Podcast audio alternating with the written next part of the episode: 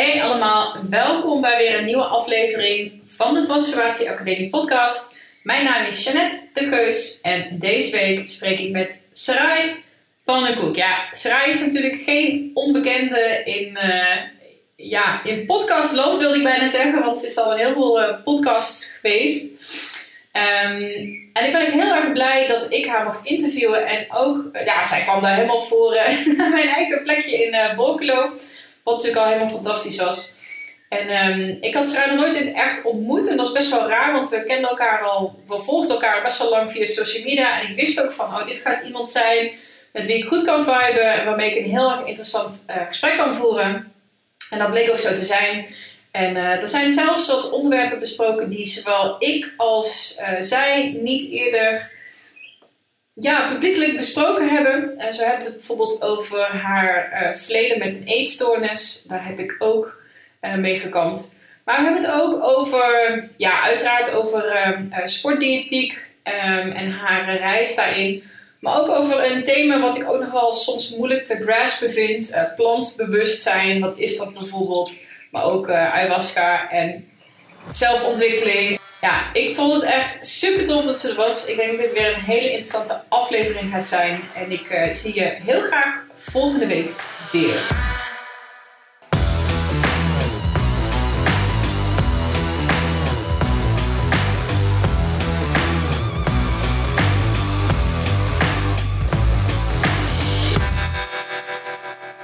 Voordat we naar de gast van deze week gaan, wil ik graag nog even onze sponsoren in het zonnetje zetten, want dat verdienen ze. En de eerste was Love Fit Food. En ben je nou op zoek naar een manier om ja, wat lekkerder in je vel te komen zitten, meer energie te hebben? Zijn er misschien ongemerkt wat kilootjes bijgeslopen die er weer af wil halen? Of heb je wat lichamelijke ongemakken, zoals een opgeblazen buik bijvoorbeeld? Uh, waar je graag van af wil, dan kan het heel erg zinvol zijn om eens een, um, een 30 dagen reboot te doen. En um, dat is wat de Fitfood 30 biedt. Dat is 30 dagen volgens de uh, Fitfood richtlijnen eten. En dat is 30 dagen vooral geen honger lijden. Uh, maar wel leren hoe je volwaardige maaltijden vast kan stellen. Waar alle voedingsstoffen in zitten die je nodig hebt. Waardoor je dus ook geen last meer hebt van uh, trek tussendoor of suikercravings. En ik weet echt dat er heel veel goeroes en programma's zijn. En dat iedereen zegt: uh, doe wat wij zeggen en je zult het lichaam krijgen waar je van droomt. Weet je, ik geloof daar niet in. Waar ik in geloof is dat uh, ieder lijf is uniek en iedere behoefte is uniek en iedere doelstelling is uniek. En jij moet erachter zien te komen wat voor jou werkt. Um, en wat voor jou werkt, kijk, er zijn een aantal soort van basisrichtlijnen die, uh, die ik jou kan geven waarmee je kan starten.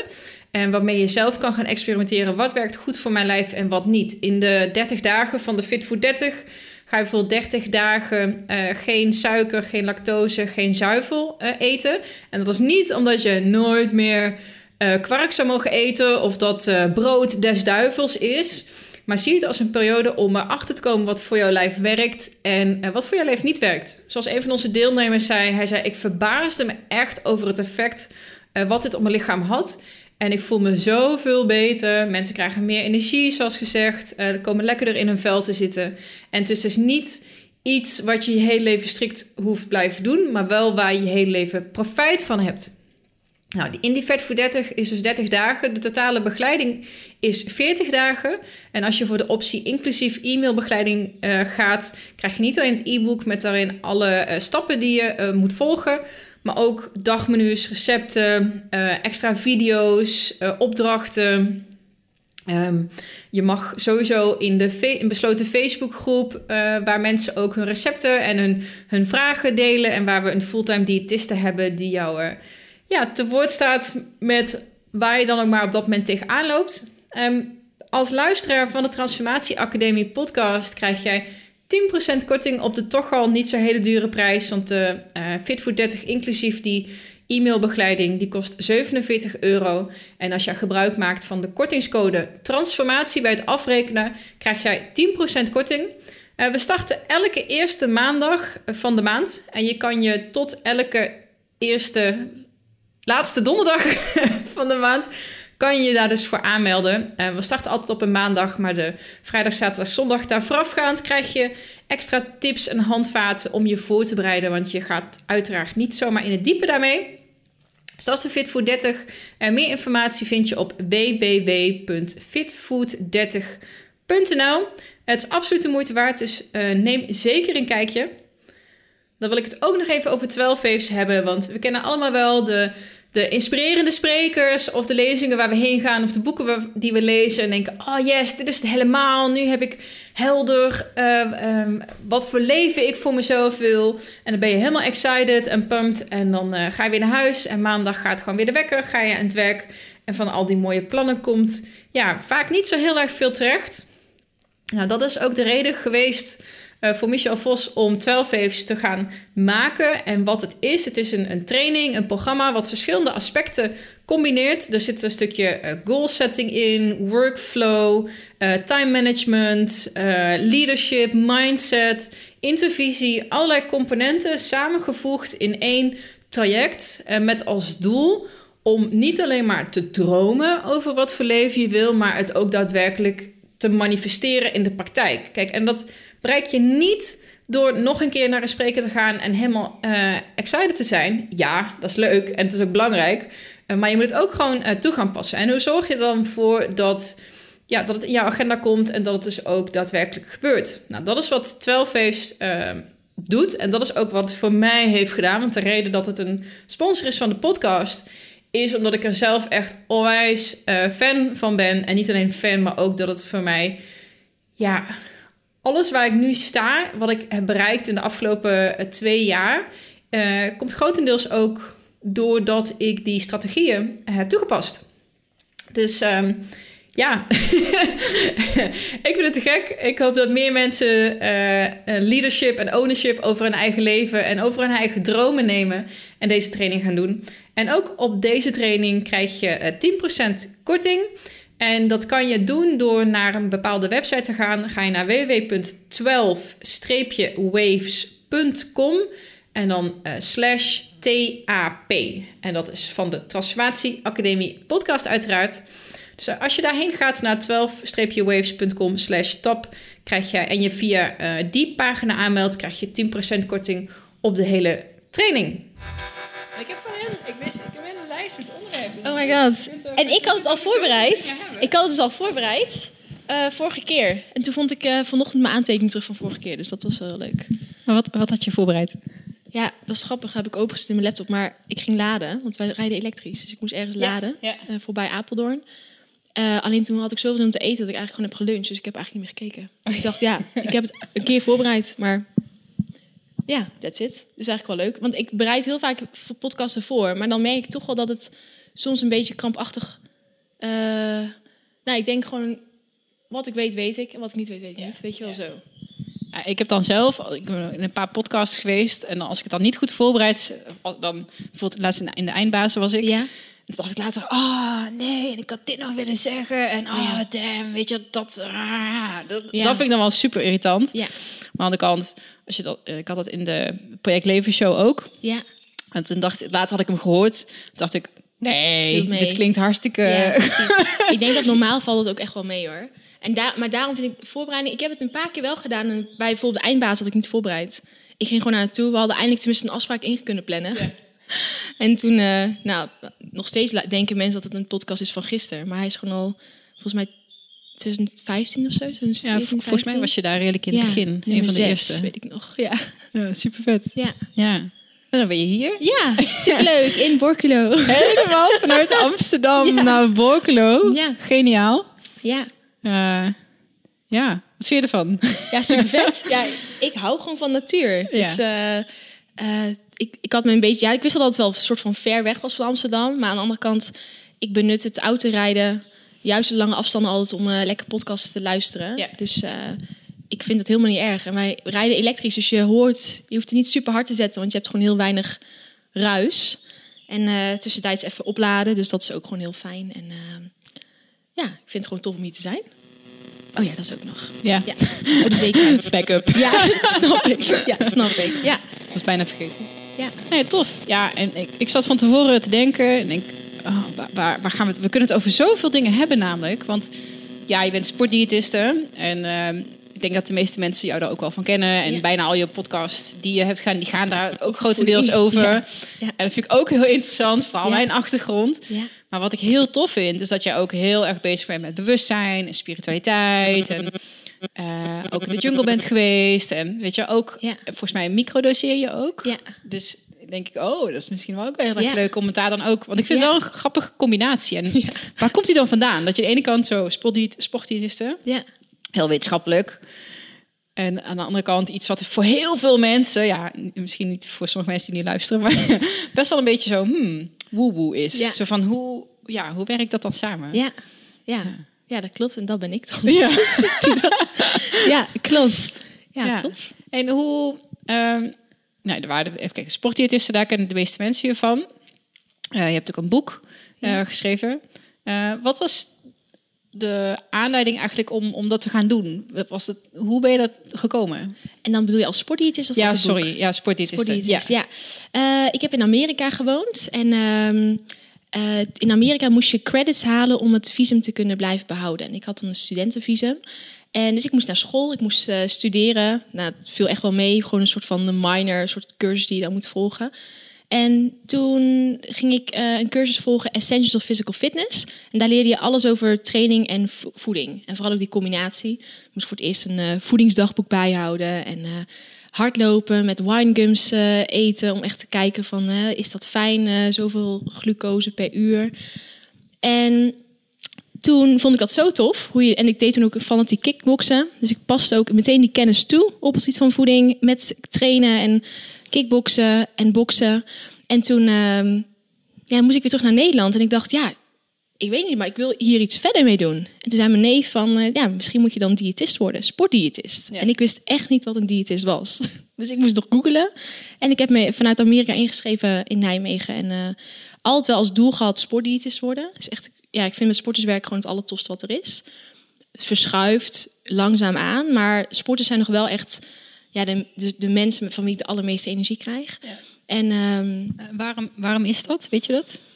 Ja, ik hou gewoon van hun gedrevenheid. Dus ik hou gewoon van hun uh, zeg maar, determination. Die herken ik ook bij mezelf met kickboksen, Braziliaans jiu-jitsu. Uh, ik heb marathons gelopen. Dus Um, ik herken die, die, die drive. En ik vind het super tof als ik daar als nou ja, persoon die iets weet van voeding, daar een bijdrage aan kan leveren.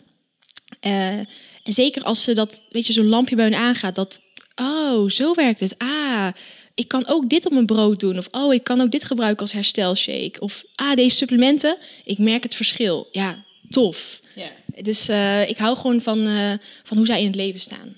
Dus daar, vandaar sporters. Ja. Nou ja, ik snap het ook wel. Ik denk ook dat je dan met een, met een groep hele gemotiveerde mensen te maken hebt die ook echt wel willen. Ja. En uh, ik weet niet, begeleid je ook mensen daarbuiten? Ik doe wel wat daarbuiten. En het is denk ik wel een misvatting dat sporters altijd gedreven zijn. Want sporters zijn in die zin wel gedreven om de top te halen.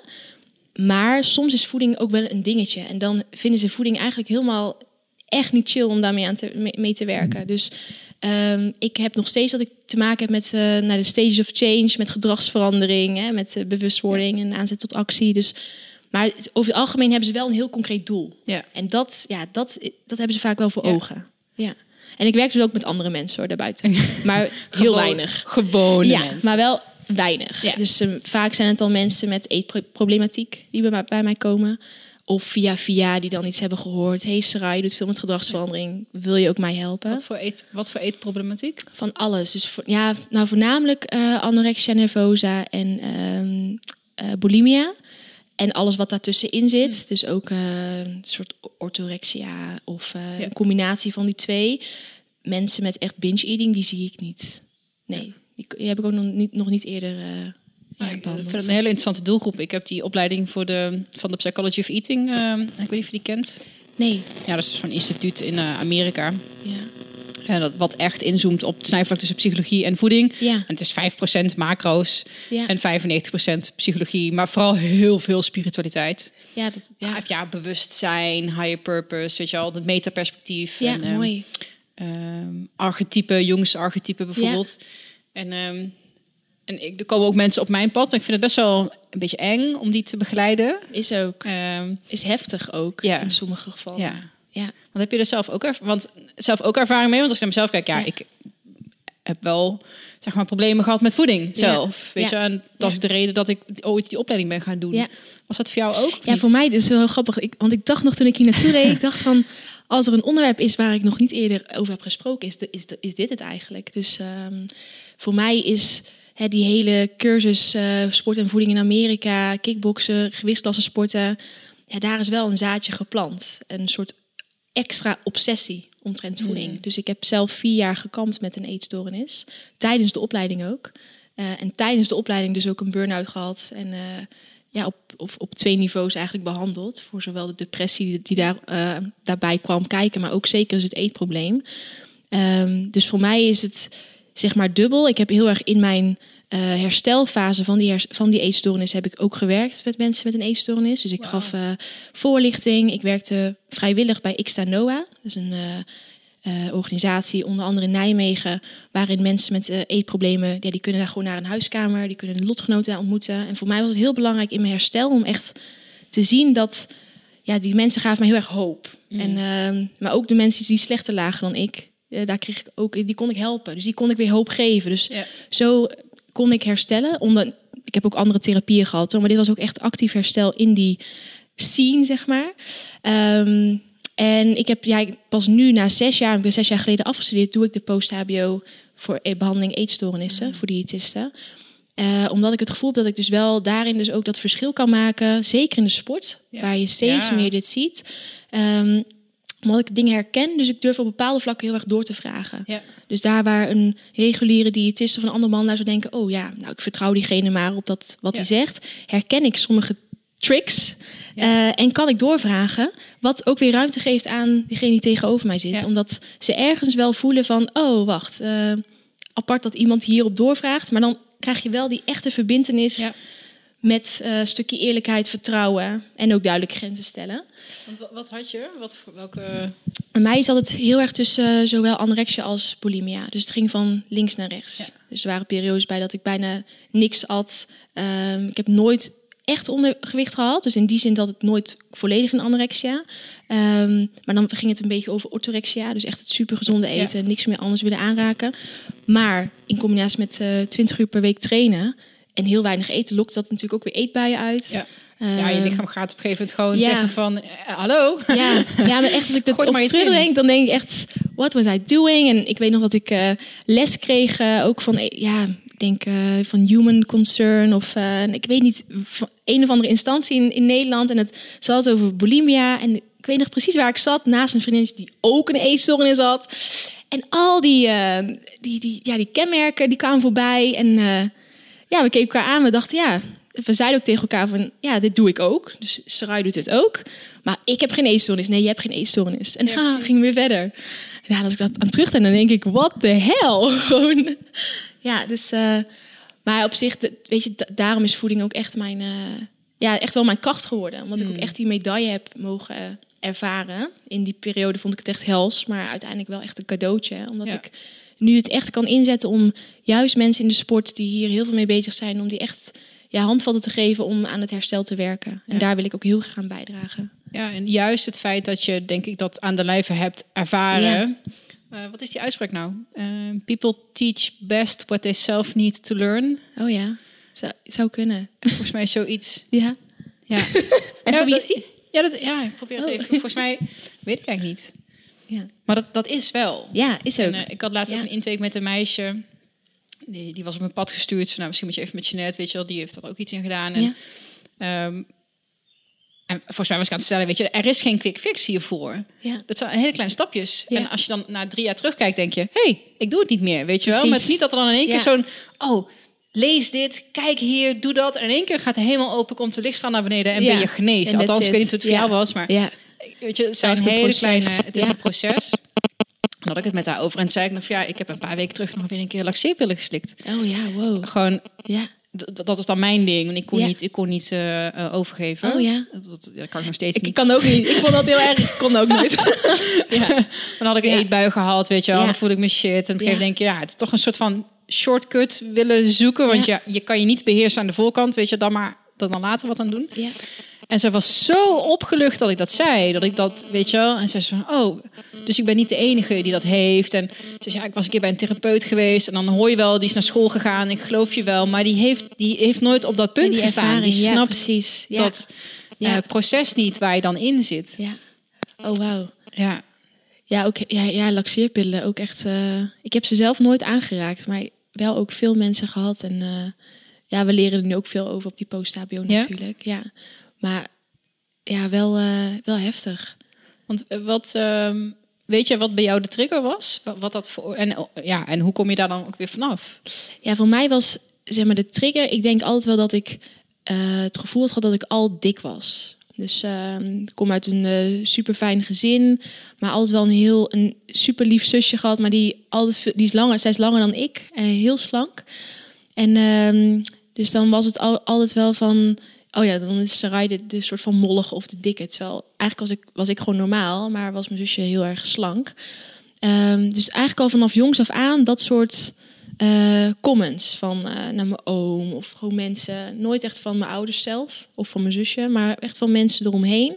En ik denk als je daar al gevoelig voor bent, dan uh, ga je dat wel meenemen. Dus ik was altijd wel bezig. Ik heb, ja, ik denk op de middelbare en in de eerste van de Pabo wel eens gelijnd en dat soort dingen. Dus ik was altijd wel bezig, maar nooit echt constructief bepaalde gedragingen veranderd. En um, ik denk dat bij mij ook heel psychologisch was. Dus er was op een gegeven moment wel een punt in mijn leven wat, wat heel heftig is. Dus wel echt een heel groot trauma uh, zat daar aan vast. Um, en ik denk dat dat het stukje is dat heeft getriggerd dat ik dus iets wilde gaan controleren. Hmm. En dat was het stukje sporten in combinatie met nou ja, weinig eten. Om dan maar die controle te kunnen krijgen over een slank lichaam. Ja. Um, ja, dingen die, ook dingen die ik at. Uh, nou ja, ik deed samen dat vriendinnetje die ook uh, achteraf dus ook eetproblemen had. Ja, deden wij de gekste dingen om gewicht te behalen. En uh, als zij moest aftrainen voor iets, ging ik mee met haar aftrainen. En als ik weer moest aftrainen, zij met mij. Dus het was wel dat we elkaar daarin gewoon hielpen. Maar totaal niet wetend van dat dit een groter probleem zou kunnen zijn. En uiteindelijk dus wel... Ik, oh, ik weet nog dat ik een keer na drie jaar bij de arts was, bij de huisarts. Want ik had last van de gedachten. Want ja, je hebt natuurlijk zoveel gedachten. Je staat op met een plan, je gaat slapen met een plan. Uh, op, je hebt zo'n streng plan dat overdag uh, niks helpt. Dus ja, voor je het weet heb je je plan, heb je iets gegeten wat niet in je plan stond. Ben je weer opzet. En op een gegeven moment had ik heel veel last van die gedachten. En ik ging daar naartoe en die arts zei, nou ja, ik wil dat je naar een psycholoog gaat. Dus ik kreeg de verwijsbrief mee en daar stond ook op, uh, psycholoog, vermoeden eetstoornis. En toen ik dat las, dacht ik, nou, ik heb geen eetstoornis. Ik wil gewoon naar iemand praten over mijn gedachten. Ik hoef niet, ik heb geen eetstoornis. Dus ik heb die brief weggelegd. En echt bijna een jaar daarna, dus bijna op de datum hetzelfde, zat ik weer bij de arts en had ik gewoon een zware burn-out. En hij pakte die brief erbij en hij zei: ja, we moeten ook hiermee aan de slag gaan, want dit ligt eigenlijk aan zijn grondslag. Hè? Hmm. Niet eten, wel veel trainen. Je bent gewoon zwaar overtraind, um, depressief en een eetstoornis. En doordat ik niet meer kon trainen, was dat wel mijn trigger om te werken aan mijn herstel. Dus ik, in die zin ben ik relatief snel hersteld, omdat ik voelde van, als ik nu niet iets doe, dan ja, verkloot ik mijn lichaam echt. Hmm. Gewoon vanuit van binnen. En ik hmm. vond trainen het allerleukste wat er was. Want het is heel dubbel bij mij. Hè? Trainen vanwege de wedstrijden en beter worden of trainen om af te vallen. Het was, ik rende ook s ochtends om zes uur 10 kilometer hard, omdat ik aan het compenseren was voor de dag ervoor. En smiddags trainde ik weer twee à drie uur BJ in kickboksen. Dus het ging ook helemaal niet samen. Maar uiteindelijk heeft dat wel voor echt gezorgd dat ik die behandeling heel concreet instap. Want ik wist precies wat ik wilde leren. Ik wil namelijk mijn gedachten beter kunnen regie, beter regie. En ik wil kijken wat is waar en wat is niet waar. Mm. En um, uiteindelijk heeft het herstel natuurlijk wel, ik denk wel ruim vier jaar geduurd. Best wel lang. Ook nog met af en toe terugvallen. Maar ik denk dat ik nu al ja, meer dan twee jaar geen terugval heb gehad. Dus dat is wel echt. En waar zou een terugval uit bestaan? Is dan richting ja, de anorexia kant? Ja, echt wel een eetbui. Dus echt een soort van heel streng in één keer zijn met eten. En dan in één keer een eetbui. En dan heel veel meer moeten sporten. Ja. Um, dus, en ja, vooral ook die, die eetbuien. Maar die, die herken ik nu ook wel. Tenminste, ik heb nu altijd niet gehad. Maar het zit altijd wel natuurlijk ergens op de radar. Maar ik besteed daar, ik, ik heb het nooit meer, gelukkig. Maar het zit, het, zit, het zit er soms nog wel. Dat je toch een beetje, en dat is een beetje wat we net ook zeiden van de manier ook hoe je tegen jezelf praat of wat je doet hè, met je mind. Hoe belangrijk dat is om te zorgen dat je op het goede pad zeg maar, blijft. Ja, ja. ja en, en wat voor mij dan heeft geholpen en wat ik wel heel interessant vind, is dat zo'n e-bui is eigenlijk gewoon heel functioneel. Ja, Als ja, je gewoon zeker. Ja. weet wat het fysiek doet qua ontspanning bijvoorbeeld, of uh, om in, een, in je parasympathische toestand te komen. Ja. Vooral als je gestrest bent. Of, ja, gewoon ontlading eigenlijk. Ja, zeker. En um, dat, ik hoor dat dat veel mensen ook helpt en ook mezelf. Zo van ja, maar dit is gewoon functioneel. Ja. Weet je wel? En dan kan je dan het doen en je daarna echt heel super vinden ja. dat je dat hebt gedaan. Ja, ja, ja. Zeg van ja, oké, dit, heeft, dit heeft gewoon nut. En niet dat het dan het de beste oplossing is voor dit probleem. Maar het is wel een oplossing. En we gaan gewoon zoeken naar andere oplossingen die daarvoor in de plek kan zetten. Ja, precies. Ja, dat. En Dat, dat duurt dus relatief langer. Ja, dus want dat moet er ook weer inslijten. Echt tot gewoontes. Ja. Ja. Ja. en dat maakt het, vind ik zelf ook wel... Ehm, ja, super leerzaam. Omdat je echt, voor, voor mij, ik ging echt op zoek naar, oké, eh, elke keer als ik een eetbui had, en zeker in, in de fase van herstel, dacht ik weer van, shit, hoezo laat ik het me weer op die, moment, op die manier overkomen? Want ik vond het echt heel vervelend, omdat ik ja, letterlijk meer at dan ik ooit van tevoren had kunnen plannen. En me daarna heel schuldig ook voelde, omdat ik weer tegen iemand moest zeggen van, ja shit, ik heb alles weer opgegeten. Sorry. Uh, ja, ik weet ook niet wat me bezielde. Ging je dat dan zelf even, want ja, ik gewoon weer kopen. gewoon naar de supermarkt en gewoon, weer alles replacen. Maar ik, op een gegeven moment voelde ik me ook gewoon schuldig dat ik dat dus deed, omdat ik er niet open voor durfde uit te komen dat ik dit dus nog dat ik er nog last van had. Ja. En uh, maar het, wat, wat, wat daarin dus heel mooi is, omdat ik dus hè, een stukje ook bewustzijn en, en veel meer landen in mijn eigen lichaam, echt thuiskomen in gewoon wie ik ben en daar ook voor mogen durven uit te komen en daar echt voor gaan staan besefte ik me dat er dus wat triggers aan ten grondslag lagen. Hè? Bijvoorbeeld eh, een druilige dag in oktober. Regen, koud. Uh, ja, je bent, voelt je een beetje rillerig. Je hebt uh, al vier of vijf uur niks gegeten. toch wel op een bepaalde manier streng voor jezelf zijn wat je wil gaan eten. En dan komt zo'n eetbui. Dus op een gegeven moment wist ik van... er zijn bepaalde triggers die dit kunnen uitlokken. En ik ging gewoon actief werken aan... oké, wat ga ik dan doen op zo'n moment? Ja, ik ga lekker op tijd dan een warme soep maken met verse groenten erin. En heel simpel bijvoorbeeld. Maar gewoon van die um, soort nieuwe ankers aanleggen. waar je dan een moeilijk moment weer op terug kon vallen. En ik denk dat dat me heel erg heeft geholpen om te zorgen dat ik op zulke momenten die zo diep gegraafd in mijn gedrag zaten, hmm. om die echt te kunnen vervangen voor nieuwe gedragingen. Ja, en er is best wel wat zelfbewustzijn voor nodig. Want denk ik, als je daar niet bewust van bent, want je, je voelt het in je lijf, je voelt alle aankondigingen, je ziet het eigenlijk aankomen. Ja, precies. Achteraf kan je dat dan veel makkelijker. Ja. Um, en die, die triggers, als je ze op tijd ziet, herkent, dan kan je ze dus gaan Precies. Ehm, vervangen. Ja. ja. Ja. gewoon actief eraan werken. Ik zeg het altijd gewoon voor de grappen. Ik, uh, nou, ik woon dan in Amerika. Je hebt natuurlijk New York en dan zie je de subway-kaart. En ik, ik, heb het eigenlijk altijd gewoon over nieuwe lijn aanleggen. Dus een bepaalde tram wil ik, of, of, metro wil ik niet meer dat die rijdt. Dus ik ga gewoon actief met mijn nieuwe gedrag nieuwe, ja, van die meline lijntjes aanleggen. Hè? Nieuwe sporen in je hersenen. Zodat je juist op de moeilijke momenten niet meer het oude track gaat pakken, maar juist nieuwe track waar de nieuwe metro rijdt, zeg maar. Dus zo zag ik het altijd. Van oké, working on it. Nieuwe metrolijn wordt aangelegd. let's go. Het is even pittig, maar let's go. Dat weet je wel. dus, ja. wat, is, wat is voor jou de doorslaggevende tool dan geweest om je daarbij te helpen?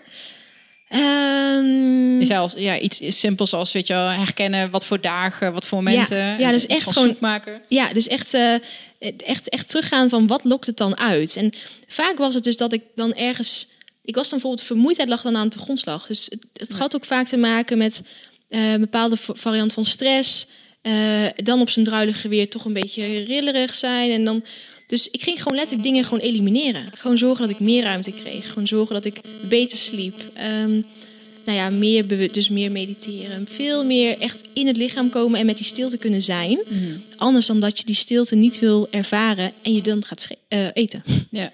Ja, dat is uh, een van mijn coaches. Ik probeer dat dan met haar ook. Maar ik merk dat ik dat ook heel lastig vind om, om ja, hoe leer je dat iemand in je lijf komen? Ja. Ja, dat, Als je er eenmaal bent, dan weet je van, oh, maar dit is het. Ja. Maar ja, ik vind het wel fascinerend. Hoe, hoe doe je dat? Ik uh, probeer met mijn cliënten dus op een bepaalde manier... Kijk, ik weet dus Ehm, dat wat Kijk, wat, wat ik had, was, in, was erg. Maar ik weet dat er nog na mij nog twintig...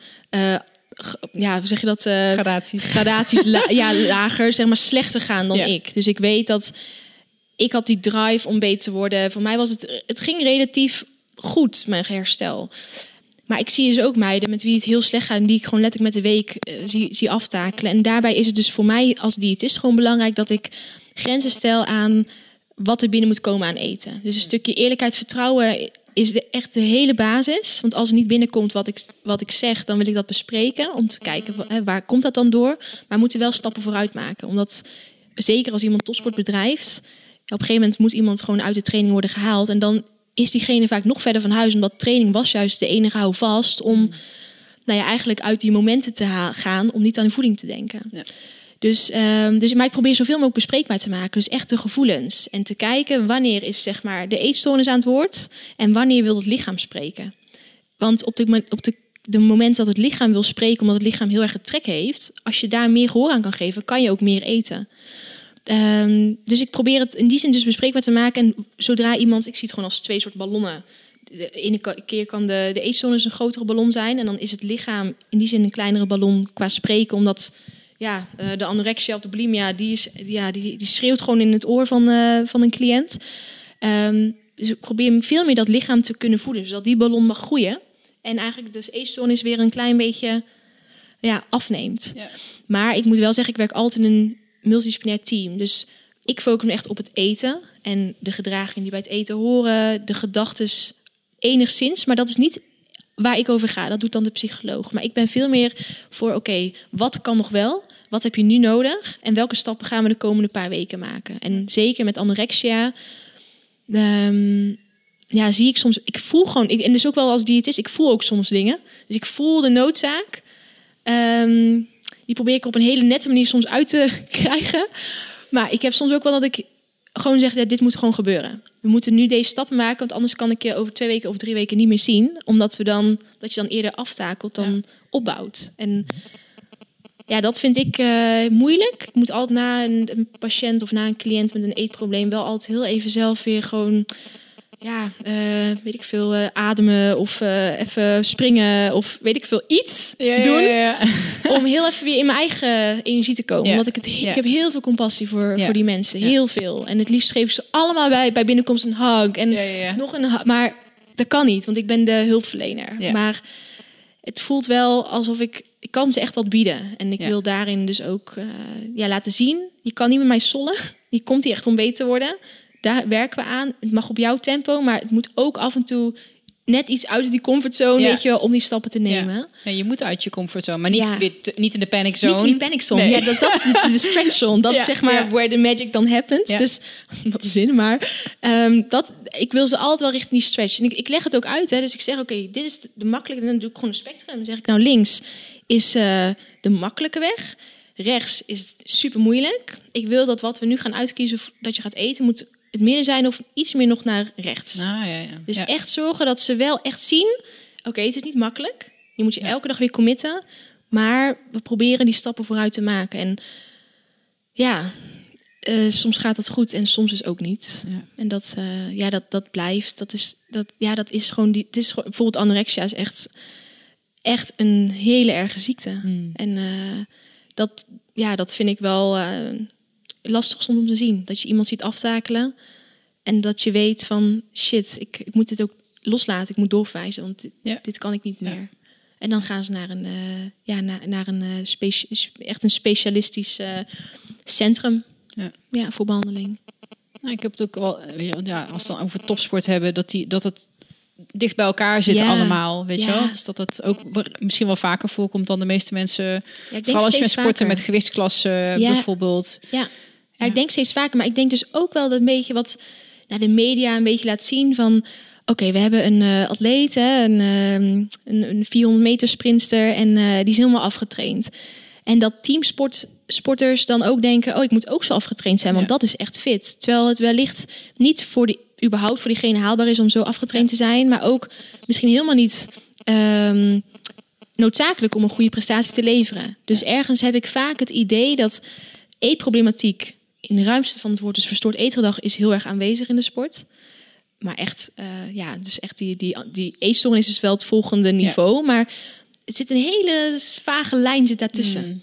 En dat, ik denk dat dat steeds meer komt. Dat denk ik echt. Ja. Wat ik zie en wat ik hoor. En ook als sporters soms van die opmerkingen maken. Dat ik denk, ja, maar hier gaat het helemaal niet om. Maar al die kleine dingen, signalen, die, misschien heb je het ook wel, dat je die toch wel ergens oppikt van...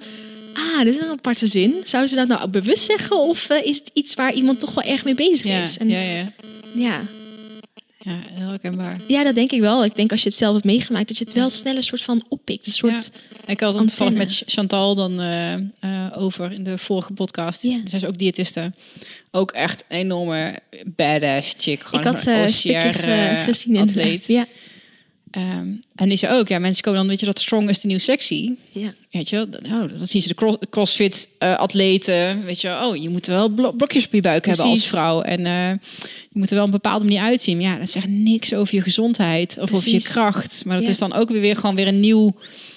Het is niet gelukkig niet dan super mager, weet je. Dat, ja. dat is wat ze willen. Ze willen wel gespierd zijn, maar ja. ja, daar heb je eigenlijk ook een soort van verkapte vorm van anorexia nodig. Bijna als het niet in je genen zit. Of om zo te worden. Om zo te worden. Want het is gewoon niet voor iedereen. Ja. Weet je wel? ja, zeker als je naar die CrossFit-atleten kijkt die echt met de CrossFit Games meedoen. Die, dat is hun leven. Dus die trainen meerdere keren per dag. Die slapen gewoon tussen. Dat is gewoon topsport. Dus dat is sowieso al een hele andere manier van trainen dan iemand die recreatief vier keer per week in de avonden naar de sportschool gaat. Wat supergoed is. Maar dat is anders. Dus die, die mindset en ja, dat is gewoon twee werelden, twee verschillende werelden. maar wat ik heel interessant vind er ook aan, en is ook dan de balans tussen uh, er eigenlijk een beetje mannelijk uit willen zien. Ook al vinden vrouwen het mooi, zeg maar, maar brede schouders en eh, blokjes en weet je wel. Um, maar dan toch ook je vrouwelijke energie in, in dat in balans willen houden. Ja. Dat is ook wel en misschien wordt dat dan een soort van volgende golf. Ja. Dat zie ik ook wel veel. Weet je, dat het ook wel weer een soort van zoektocht is. Ja. Van hé, hey, uh, het is heel hard. Klopt. Ja. ja.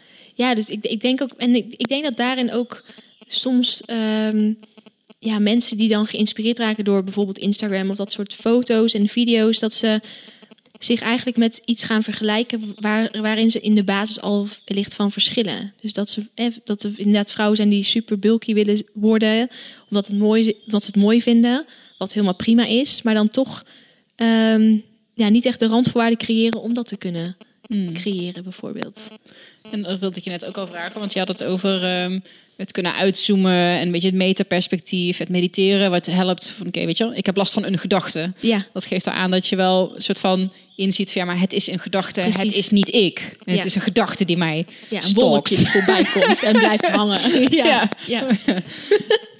in, uh, in hoeverre heeft bijvoorbeeld iets als ayahuasca of ja, weet je, die kant van jou daarin geholpen? Ja. Was, deed, dat, deed je dat toen al? Nee, nee, nee. Ik ben echt uh, wel opgevoed met een soort van antidrugs. Uh, ik weet nog wel, ja, ik denk wel er overal, ja, tenminste op de basisschool, uh, altijd bang gemaakt voor, voor drugs en wiet en allemaal dingen. En op de middelbare school net zo hard. En dus voor mij was het altijd wel een ver van mijn bedshow. En ik heb ook pas heel laat geëxperimenteerd met nou, iets.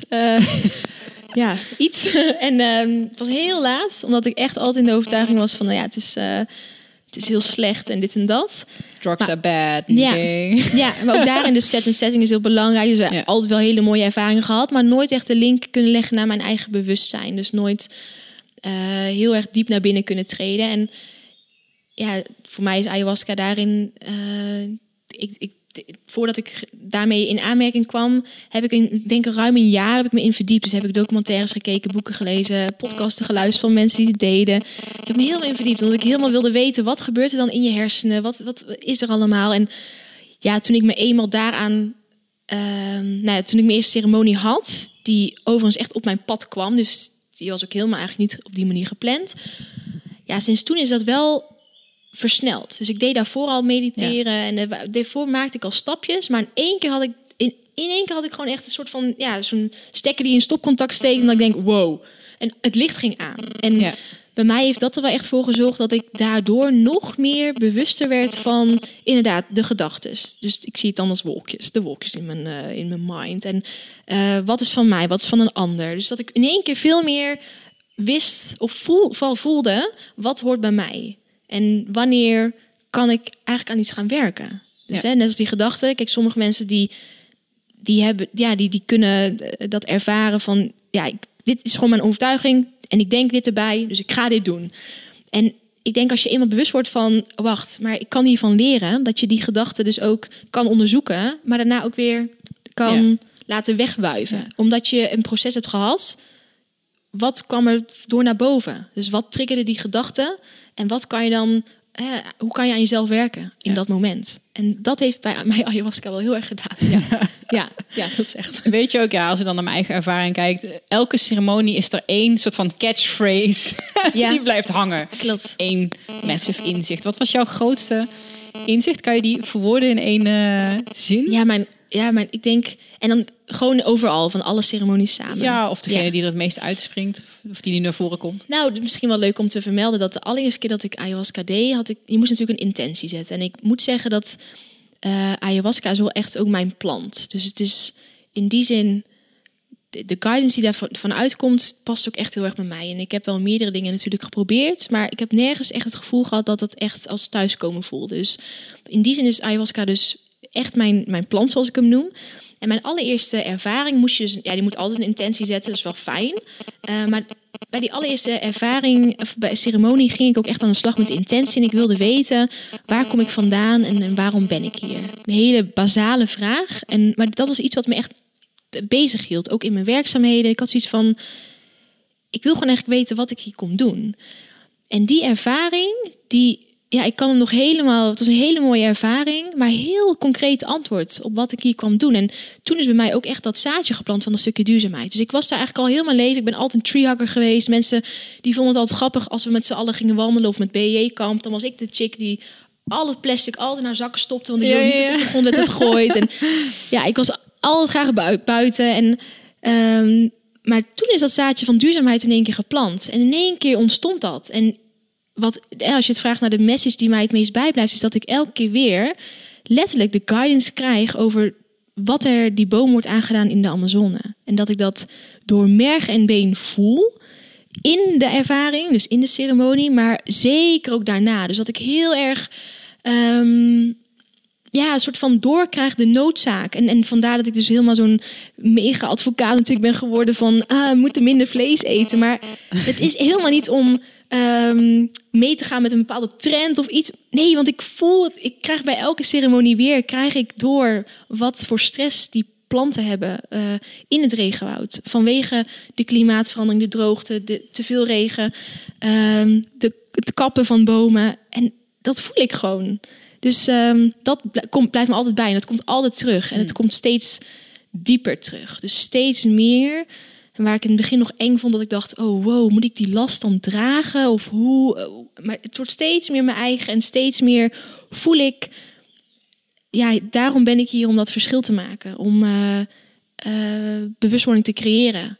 En onder andere dus met een stukje voeding, maar en ook die trip naar Brazilië, die ja. droeg eraan bij dat het heel wezenlijk werd. Want ik zag hoe, ja, hoe leeg die vlaktes daar waren en wat er dan groeide. En ja, dat brak wel echt mijn hart. Maar dat had, had ik nodig om echt dat gevoel op die plek te kunnen, ja, een soort van kunnen spiegelen aan dat gevoel dat ik heel altijd had tijdens ceremonies. Ja. Dus dat was gewoon letterlijk parallel uh, hetzelfde. Dus dat blijft me altijd bij. Altijd die, die key message die ik uh, mag ervaren. Dus ja. ja, dat is wel heel wezenlijk en heel fijn. Ja. Je zegt het bijna een soort van beschamend. Ja, maar daarom ben ik zo'n advocate. Ja, ik, voel me heel vaak een zo'n, ik voel me heel vaak een echt een eh, vreemde etende bijt. Omdat ik... Um, ja, kijk, ik eet zelf dan geen vlees. Dus voor mij... Dus heel, ik heb het gevoel dat mensen heel vaak denken... Ja, daar heb je wel zo'n vegan die iedereen probeert te veganizen. Maar dat totaal niet. Nee. Ik wil juist dat we meer bewust worden van wat... Weet je wel, dus... Dus het lijkt een soort verontschuldiging, omdat ik me soms, omdat ik me heel vaak gewoon niet begrepen voel. Mm. Dat mensen denken van, oh heb je haar weer? Of, of juist expres tegendraads gaan doen en een bepaalde mening gaan vormen over het veganisme of over... voor je neus. Ja, Terwijl lekker recalcitrante hamburger ja, zitten eten of zo. Oh, doe het. Doe het. maar, maar wist je, en dan wil ik iets over vertellen. Gewoon, gewoon uit, misschien je het interessant. Misschien weer erover nadenken. Nou, ik heb wel een leuke, leuke casus voor je. Ik ben benieuwd hoe je, hoe je daar tegenaan kijkt. ja, ja. Ik heb bijvoorbeeld... Ik merk dat ik de afgelopen... Nou, ik denk misschien zelfs wel weken... Ja, een paar, twee, twee maanden of zo. Maar de laatste tijd valt het me op dat ik niet bewust, maar wel steeds minder vaak voor vlees kies. Ja.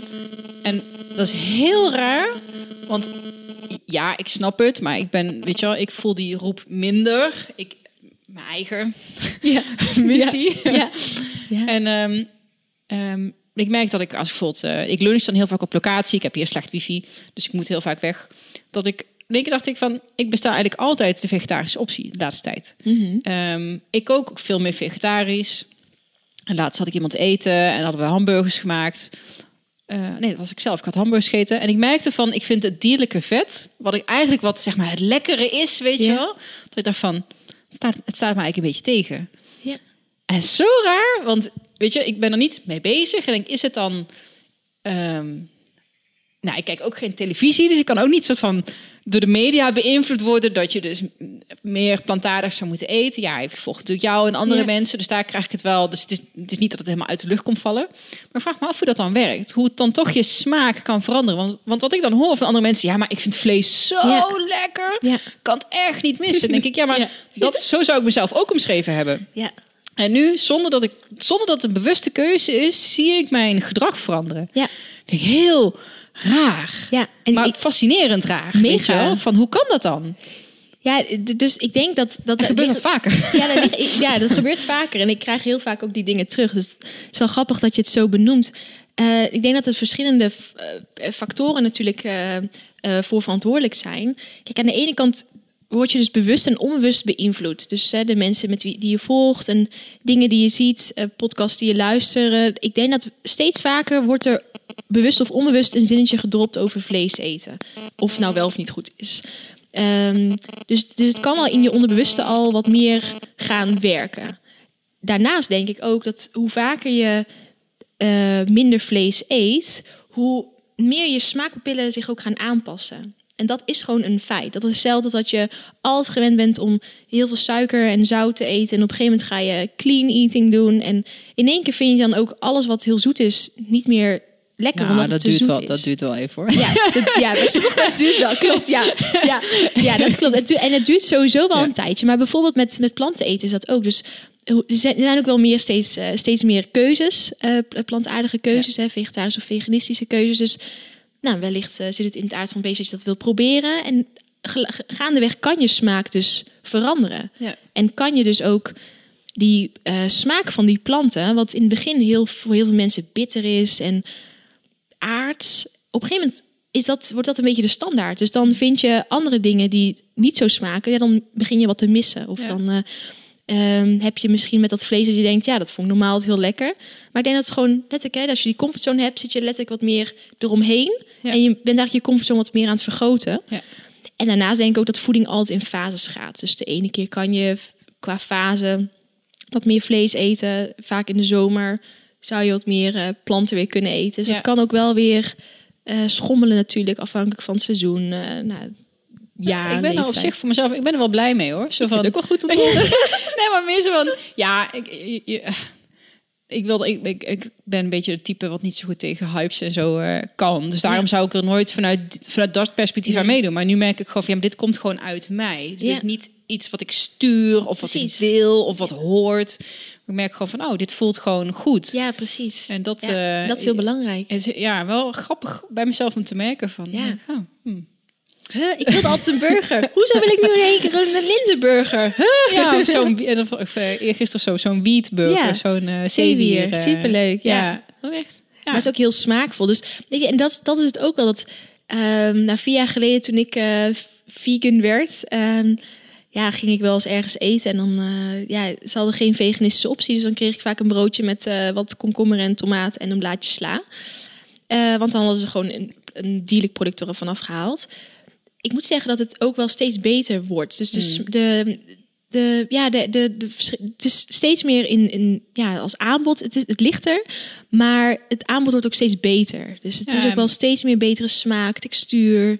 En we zijn gewoon uh, natuurlijk uh, opgevoed of bekend met, oké, weet je wel, je hebt groenten, yeah. aardappelen, vlees. Ja.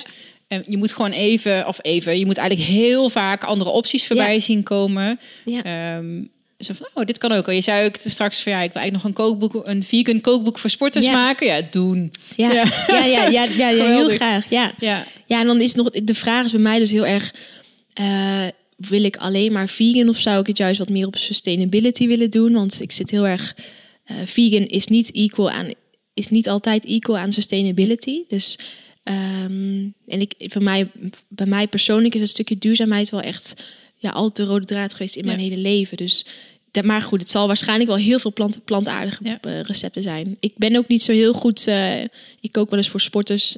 Ik kan wel gewoon koken. Uh, goed, plantaardig ook. Maar dierlijk uh, is vaak wel. ja, daar moet ik wel echt in geschoold worden. Dus ik heb gelukkig een hele goede collega van wie ik heel veel dingen mag leren. En dan kan ik kip en zo bereiden. Um, maar ik vind dat stukje. Dat vind ik nog wel altijd lastig. Dus ik zou niet zo snel recepten met kip of zo ontwikkelen. Ja, ja, nou ja, die zijn er al genoeg. Ja, ik denk het ook. Ik denk dat, dat denk ik ook. ik denk ja. dat je juist Precies, zeg maar van okay, helemaal over de andere boeg, gewoon om te laten zien dat dat er is, is mogelijk. dat het kan en wat voor precies. combinaties lekker zijn. En, ja. Ja. Uh, ja, go. Ja, ja working on it. Dus uh, ja, wie weet. Iets anders uh, waar ik het ook met je over wilde hebben, is iets wat ik, iets wat ik zelf ook doe, is microdoseren. Ja. En um, ik weet niet of we daar een keer over hadden gemaild of op de Instagram, ja, op Instagram over. Ja. Dat was leuk, want ja. ik, ook toen je straks binnenkwam, ik dacht dat ik je al kende. Ja. we volgen elkaar best nee, wel lang. Ja, maar dat ik echt zo, oh, we moeten echt een keertje koffie ja, drinken. Ja, lijkt me hartstikke gezellig. Ja. Dat is. Dat heb je met sommige mensen. Dat je gewoon, maar ook, ik denk dat wij heel veel gelijkenissen hebben in heel veel dingen. Of in ieder geval, uh, weet je wel, dat stukje bewustzijn en dingen um, uitzoeken en met jezelf aan de slag gaan. Dus dan trek je dat soort mensen ook wel aan. En dan, ik had het gevoel dat ik jou al heel lang kende. Ja. Terwijl eigenlijk ken ik je niet. Maar, nee. maar wel gewoon dat ik, ja, wat, wat je doet is gewoon heel tof. Dus lang leven Instagram. Nee. Ja, precies. maar zo kwamen we ook bij dat microdoseren ja. uit, ja. Ja, volgens mij wel. Ja. Want jij doet dat met paddo's, hè? Uh, ja, met paddenstoelen. Ja. Ja. ja. ja. ja. dus maar ik doe, ik, ik heb het nu al heel lang niet gedaan. Um, Paul, ik heb het een tijdje samen uitgeprobeerd. Um, en voor mij was het heel wisselend. Omdat ik al zei, wat ik net al zei, voor mij is ayahuasca echt. Ja. Weet je, daar heb ik gewoon altijd een heel goed gevoel bij. Het voelt heel vertrouwd en heeft me op heel veel vlakken ook echt uh, heel, veel, heel veel inzicht gegeven, ook op lichamelijk niveau. En, um, en ik heb dat dus bijvoorbeeld met um, nou, de hennenplant of inderdaad paddenstoelen. Ik wil het wel proberen om te kijken wat het me brengt, maar ik merk dat het en ik weet dan niet of het dus aan mezelf ligt of dat het gewoon niet mijn plant is. Maar ergens stroomt het nog niet helemaal. Dus we hebben het een paar keer geprobeerd. Ik vond het heel interessant. Spannend ook vooral de eerste keer. Want je denkt natuurlijk dat je, ja, we bewijzen van lekker weer uh, een, een trip hebt met allemaal mooie inzichten. Maar het is omdat het mi micro is, um, had ik wel het gevoel dat ik zelf, ik stond heel erg aan. Maar ik moet niet zeggen dat ik daar hele. Ik had daar niet een heel fijn gevoel bij. Maar ik weet dus niet of het dat het komt dat het niet mijn plant is. Of omdat ik gewoon zelf die drie of vier keer dat we deden, dat ik, dat ik er gewoon niet lekker in zat of zo. Hmm. Dus ik. En ik, ik ben al eh, redelijk tussen haakjes hooggevoelig. Dus voor mij wekte dat alleen nog maar meer hooggevoeligheid op. En dan in een stad als Amsterdam vond ik dat zo lastig om daarmee te dealen. Ja. Dus um, volgens mij is het wel hoor, psilocybin, dat het um, je, je perceptie versterkt. Dus ja. kleuren. Ja. Je, je, ziet niks of zo, nee. maar het is allemaal, komt allemaal komt net, net wat meer binnen. binnen. Ja. Net iets feller, net iets... En ik raakte op een gegeven moment dus ook daardoor geïrriteerd. Want ik dacht juist, oh, we doen een beetje hey, microdosing. Ik ga lekker aan iets werken. Gaan we lekker creatief zijn en Ja. gefocust. Want Ja. dat is wat iedereen doet. Ja, nou, nou, dat hadden we ook. En ik merkte, ik kwam mezelf zorg tegen, want ik dacht niks, niks ging. Ik was alleen op een gegeven moment geïrriteerd. En dan is het heel gek, want dan ben je geïrriteerd. Maar je gaat, er wordt gewoon een vergrootglas op die irritatie gelegd. Ja. Dus dan op een gegeven moment, ja, ik had wel zoiets van nee, ik moet er heel even afstand van nemen. En misschien was het ook niet de juiste periode voor mij om dat te doen hoor. Dat kan ook. Dat ik gewoon met te veel, ik, ik was heel druk bezig met het boek, met allemaal dingen.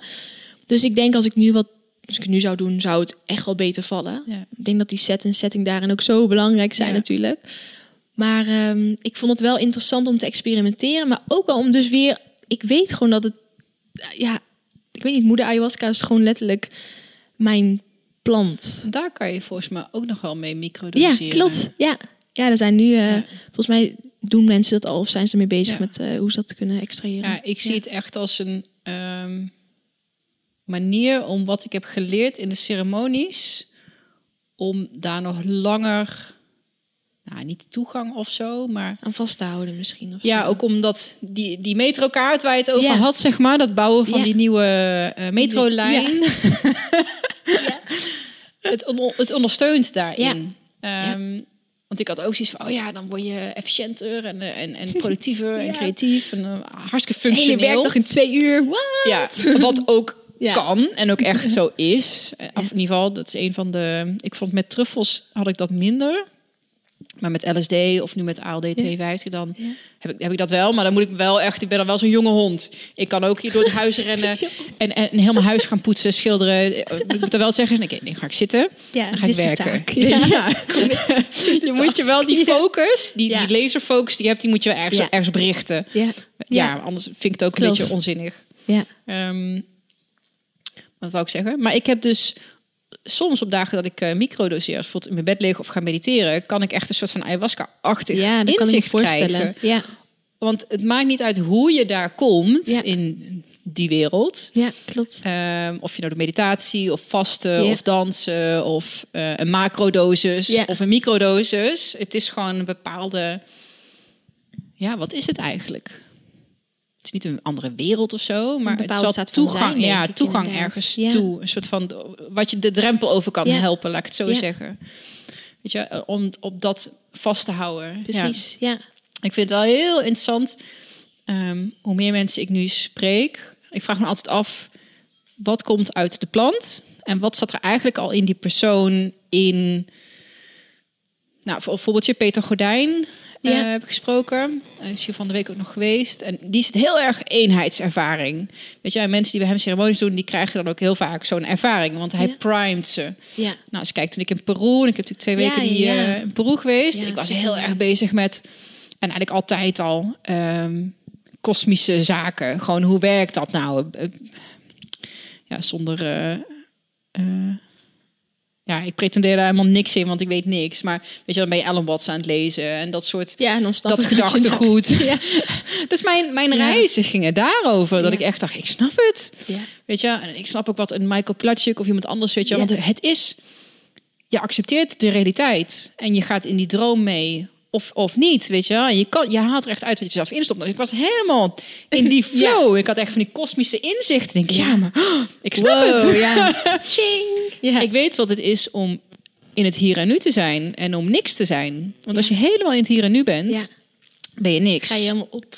Ja. Ja, en, en Ja. Dan, want je hebt helemaal niet de noodzaak om iets te gaan doen. Dus eh, in de non-duale wereld, zeg maar. Ja. Daarom is die dualiteit zo fijn, weet je. Dan Ja. mag, kan je het allemaal gaan ervaren. met De highs en de lows. Ja. En, nou, dus ik was helemaal in, met dat thema. ja. Ja, ja. geniaal. Ik had Ja. echt zoiets van... Ah, ik, zou, ik kan het ook allemaal niet onder woord Ging je ook brengen. Schrijven? Of ja, is- daarna Oh, wel. Ja. Ehm, maar ik vond lastig. Het is zo moeilijk om onder woorden te brengen. Eh, wat ik, nou goed, en wat ik dan merk met dat microdoseren is dat je op de een of andere manier, want het zijn ook die, die patronen waar het over had, hè, en die nieuwe gewoontes, zo anders leren denken en een ander wereldbeeld kweken. Dat is zelfs met eten. Je moet daar steeds weer iets nieuws en Actief. actief mee Ja. bezig zijn. En voor mij is dit een manier om.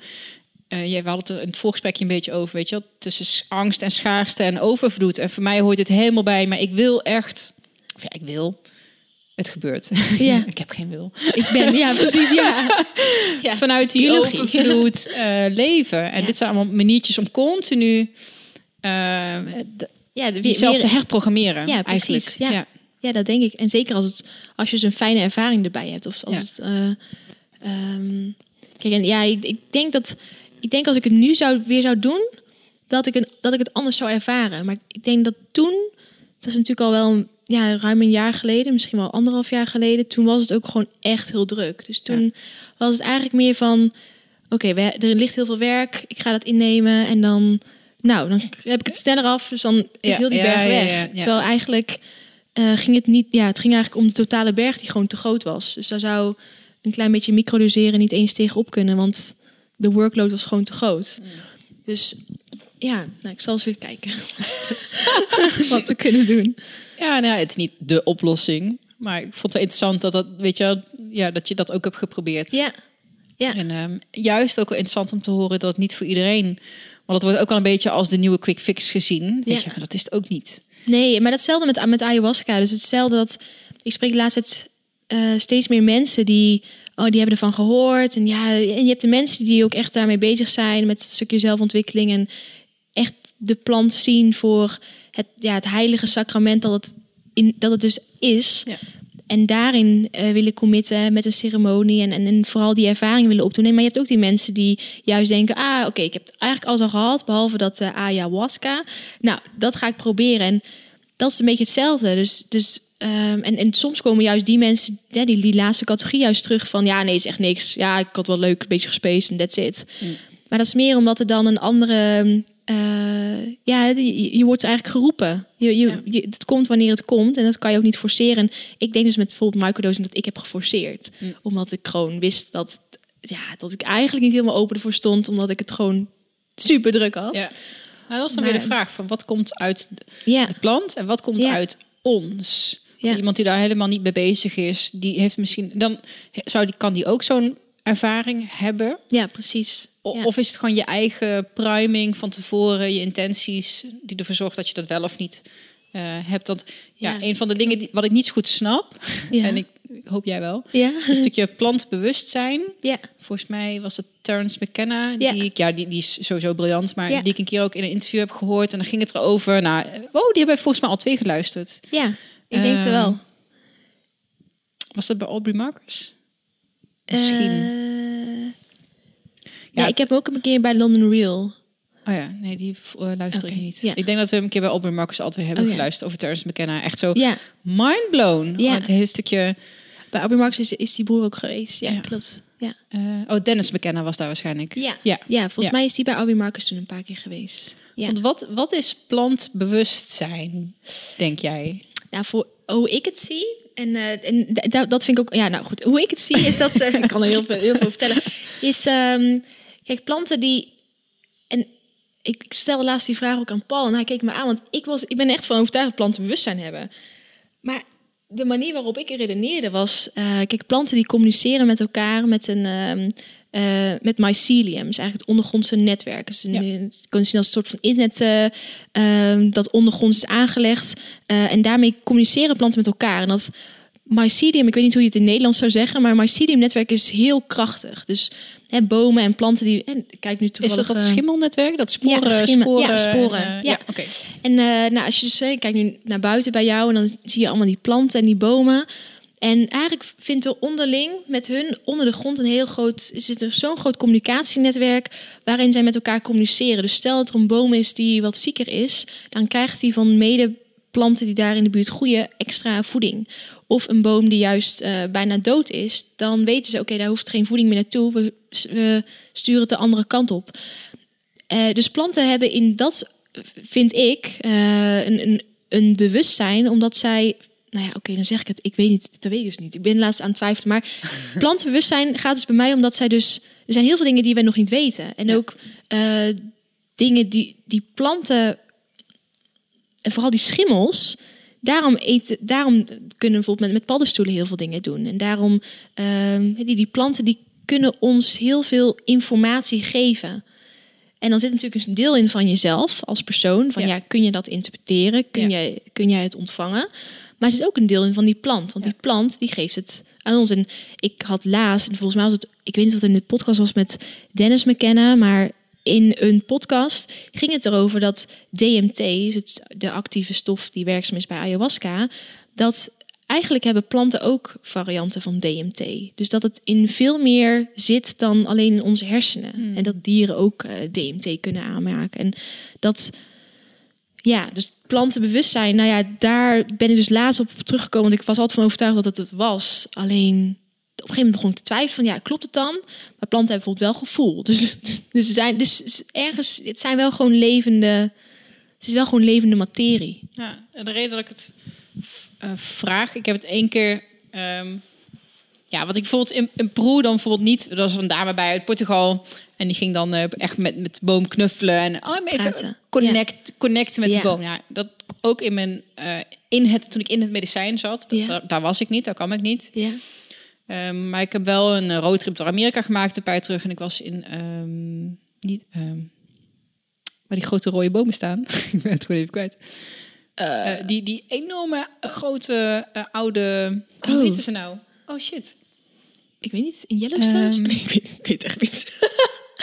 Waar is het dan? In eh, het zuiden van Amerika of in het... Nou, ik weet de naam even niet. Maar je, hebt, je hebt bomen die zijn Ja. 2000 jaar oud. Die kunnen 2000 jaar oud. En die zijn ook echt veel groter dan andere bomen. En die hebben een hele grote Maar rode stam. Oh, vet. En ook van die wortels die dan zo eruit... Of Nee, nee, die wortels zitten echt onder de grond. Ja. En het is Oh, eigenlijk een hele grote trunk met bovenop een klein bosje. Ja, het ziet er een beetje Oh, gek vet. uit. Oh, weet je nou? Ik heb een hele mooie foto's ook gemaakt. Nou, dat Oh, weet ik. Maar in ieder geval die rode boom. Ik ga het opzoeken. oh, vet. Ik wist niet dat die er waren. Nou, en wat ik dus merkte, is dat ehm, dan rij je daar, natuurlijk Amerika, dan rij je dan doorheen, want het is hartstikke groot. Ik had echt ontzag. Maar dan ook bomen. echt ontzag. Alsof Ja. je in een kerk staat, zeg Ja. maar. Zo van, en dan ook het besef van, die staan hier al 2000 jaar. Ja. Ik ben voor hun een, soort- een, een, fruitvlieg, weet je wel. Met je, met je 180 Ja. jaar leven, weet je wel. Ja. Ik heb al, zo van, die hebben alles gezien. Die hebben Ja. alles meegemaakt. Ja. En ehm, ik weet dat, dat dat echt er iets was waarvan ik dacht van... wow, wat, wat, wat is dit, weet je wel? Wat voel ik nou hierbij? Dat is, die wilde ik wel even knuffelen. ja, snap ik. Ja. Maar gewoon zo... Ja, het zet je zo in perspectief. Eh, en dat vond ik zo mooi in die podcast met die McKenna. Is dat die, die planten, die waren er al lang voordat wij er zijn. En zullen waarschijnlijk ook lang zijn nadat wij er eh, alweer weg zijn. En dat, daar, dat die dus soort van kennis opslaan. ja, heel veel. En, en dat, dat denk ik, ja, maar hoe dan? Weet je, dan doe ik een ayahuasca en dan krijg je van die downloads. En dan Ja. denk ik, ja, maar dat zit toch al in mij? En ik ben die boeken aan het lezen. Of wat komt er dan uit die Ja, ik denk een wisselwerking. Ik denk beide. Dus ik denk dat er echt zo'n wisselwerking is tussen de mens en de plant. Dus een deel zit zeker al in jou. Al dan niet alles zit al in jou. Maar die plant die geeft ook zijn deel. Zodat het echt samen kan smelten en het tot uiting kan komen. Dus ik, ik, ik denk beide. Want die planten weten ook echt heel veel. En ehm, kijk, als je gewoon kijkt naar, naar shamanen, bijvoorbeeld hè, in de jungle. Wij, ik sprak met een shamaan toen ik in Brazilië was. En die, die man die wist zoveel van klimaatverandering. En niet omdat hij de nieuwste Instagram-foto's had gezien of niks. Nee, want die man woonde in de jungle. Hij had niet eens een telefoon. Maar omdat hij zag hoe ehm, de, eh, dus, dus gewoon de, de, de cyclus veranderde van het regenseizoen, van de droogte.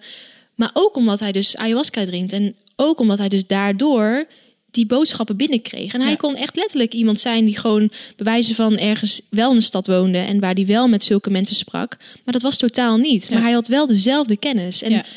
en ik weet zeker dat het dus een uitwisseling is van beide. Dus zowel van wat iemand al weet, maar ook zeker wat de planten kunnen geven. Ehm, Ja, misschien Ja. overstijgt het de planten ook wel, bedenk ik me ineens. Als het gaat over, want je zei net van alles zit al in mij. Maar alles, als het gaat hebben over bewustzijn, ehm, daar zit alles in. Ja. Dat is alles. ja, zeg dat maar. omvat, ja. De- En, ja. en dus ook dat soort kennis, informatie dan misschien. eh, Ja. Ja, en dus, weet je, je hebt natuurlijk verschillende soorten bewustzijn. Je hebt natuurlijk zelf, ik, denk, ik weet niet of planten zelf bewustzijn hebben. Maar er zit ja, wel... want dan zou je ze ook niet kunnen eten. Nee. Of ja, dat zou dan ja. ook een moraal ja, dilemma zijn. Dat is ook of wel een moreel dilemma, hoor, zijn. waar, Ja. het- waar, waar Paul en ik het heel vaak over hebben. Hè? Als mensen zeggen, ja, maar dieren, dit en dat. Ja, planten hebben ook gevoel. Dus Ja.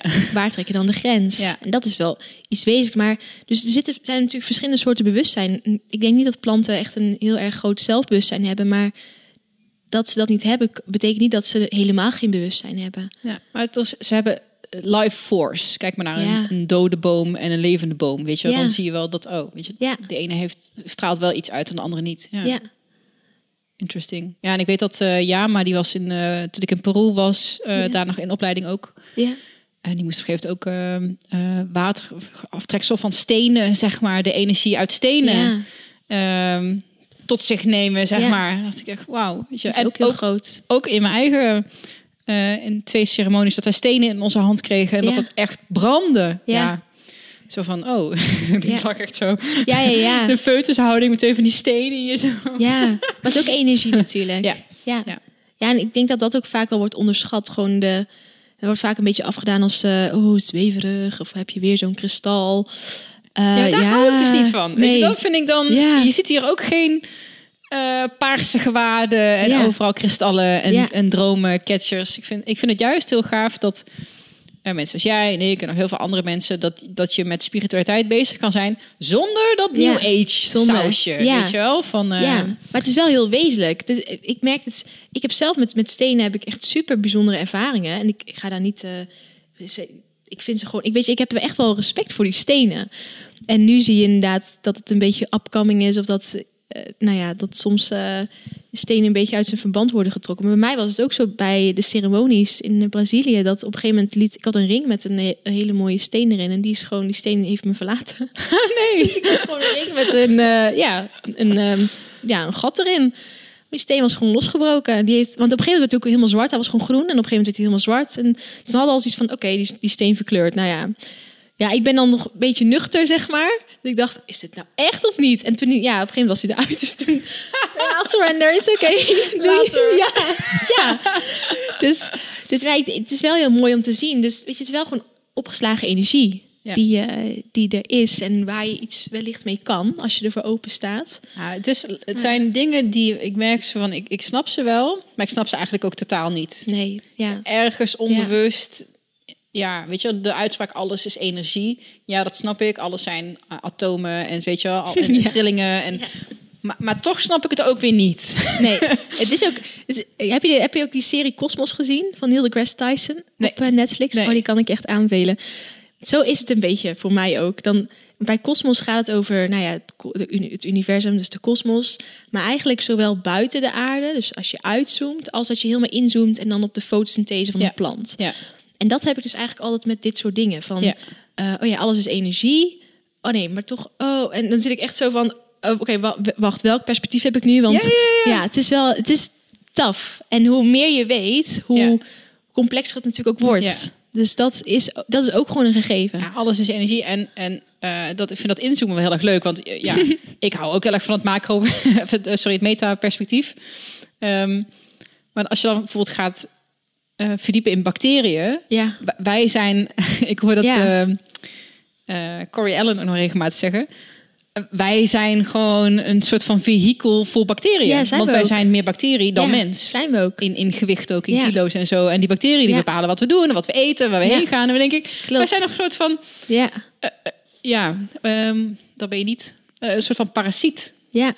Ja, maar dat is ook. Ik lees nu, ik, ik las een boek, eh 10% Human. En het ging dus over dat je maar 10% human bent. En de rest wordt eigenlijk inderdaad bepaald door bacteriën. Ja, bacteriën, schimmels, Ja. die bepalen dan, eh zitten Ja. in je gut. Maar het is wel, het is, het is wel zo. Ik, ik, ja, als je gewoon kijkt naar inderdaad wat mensen al eten en hoeveel invloed het microbiome al heeft op bijvoorbeeld je hersenen en de keuze die je maakt. En dan is het natuurlijk een beetje kip en ei, want komt het dan doordat je met je hersenen bepaalde keuzes maakt dat je het microbiome voedt? Of is het juist andersom dat het microbiome jouw hersenen stuurt? Maar het is een wisselwerking. Ja. De gut-brain barrier noemen ze dat. Ja.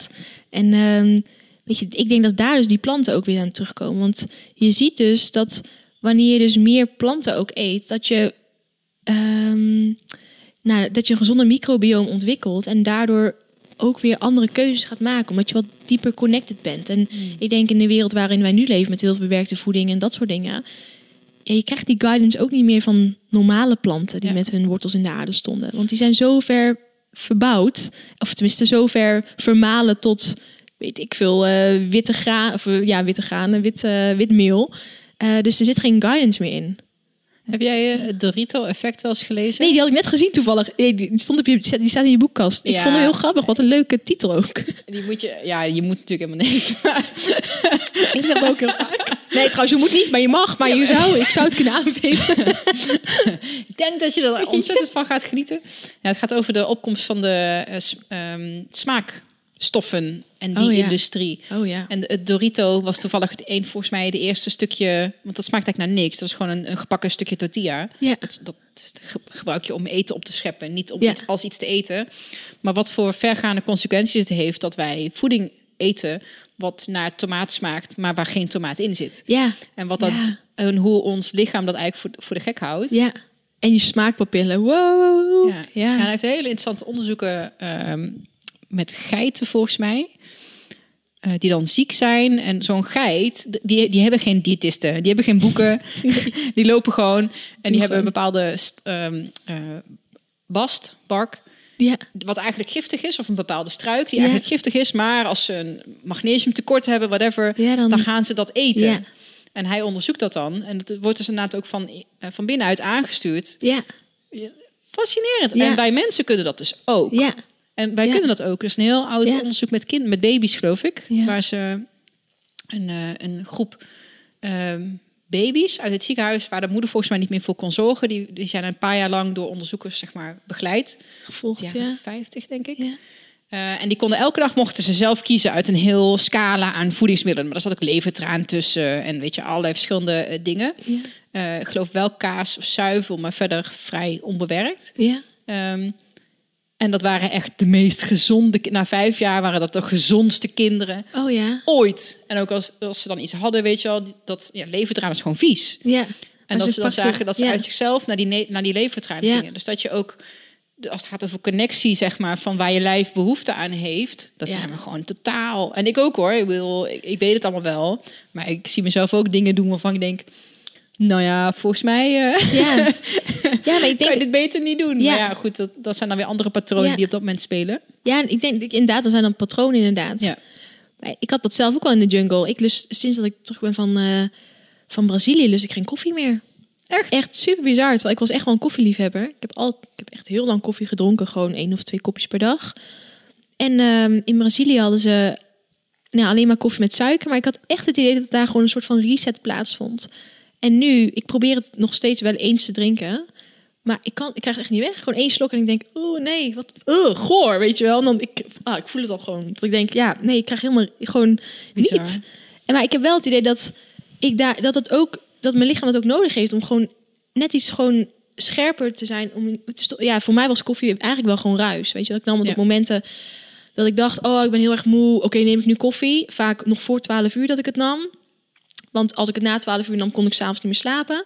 Dus dan zat het er wel in, maar eigenlijk had ik het in de ochtend juist niet nodig, omdat ik heel vaak, ik kan gewoon op mijn eigen energie en op mijn eigen, ja, let ik energie gewoon varen. Ja.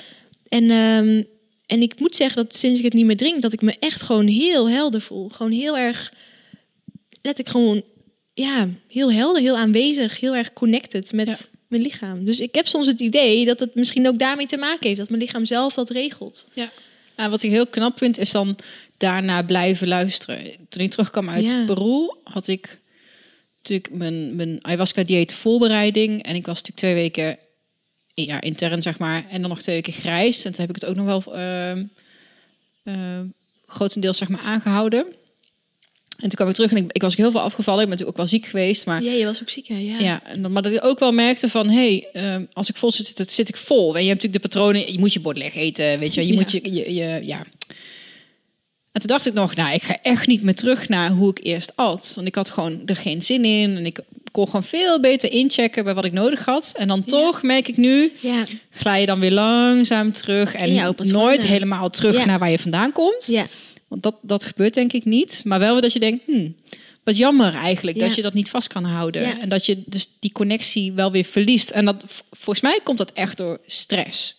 Ja. In Peru, ik heb daar bij die shaman, ik heb gewoon twee weken in een hangmat gelegen, Ja, feitelijk. heerlijk, ja. En dat mensen ook, dan kwam ik terug zo van, wauw, wat zie je er ontspannen, ondanks dat je dan ziek bent. Zo Ja. van, ik heb nog nooit iemand gezien die malaria heeft en die er zo gezond Daar loopt. uitziet. Ja, ja, ja. Maar ik denk echt dat stress, dat ontspanning daar Ja. de alle, alle, allergrootste factor was. Ja. De allergrootste.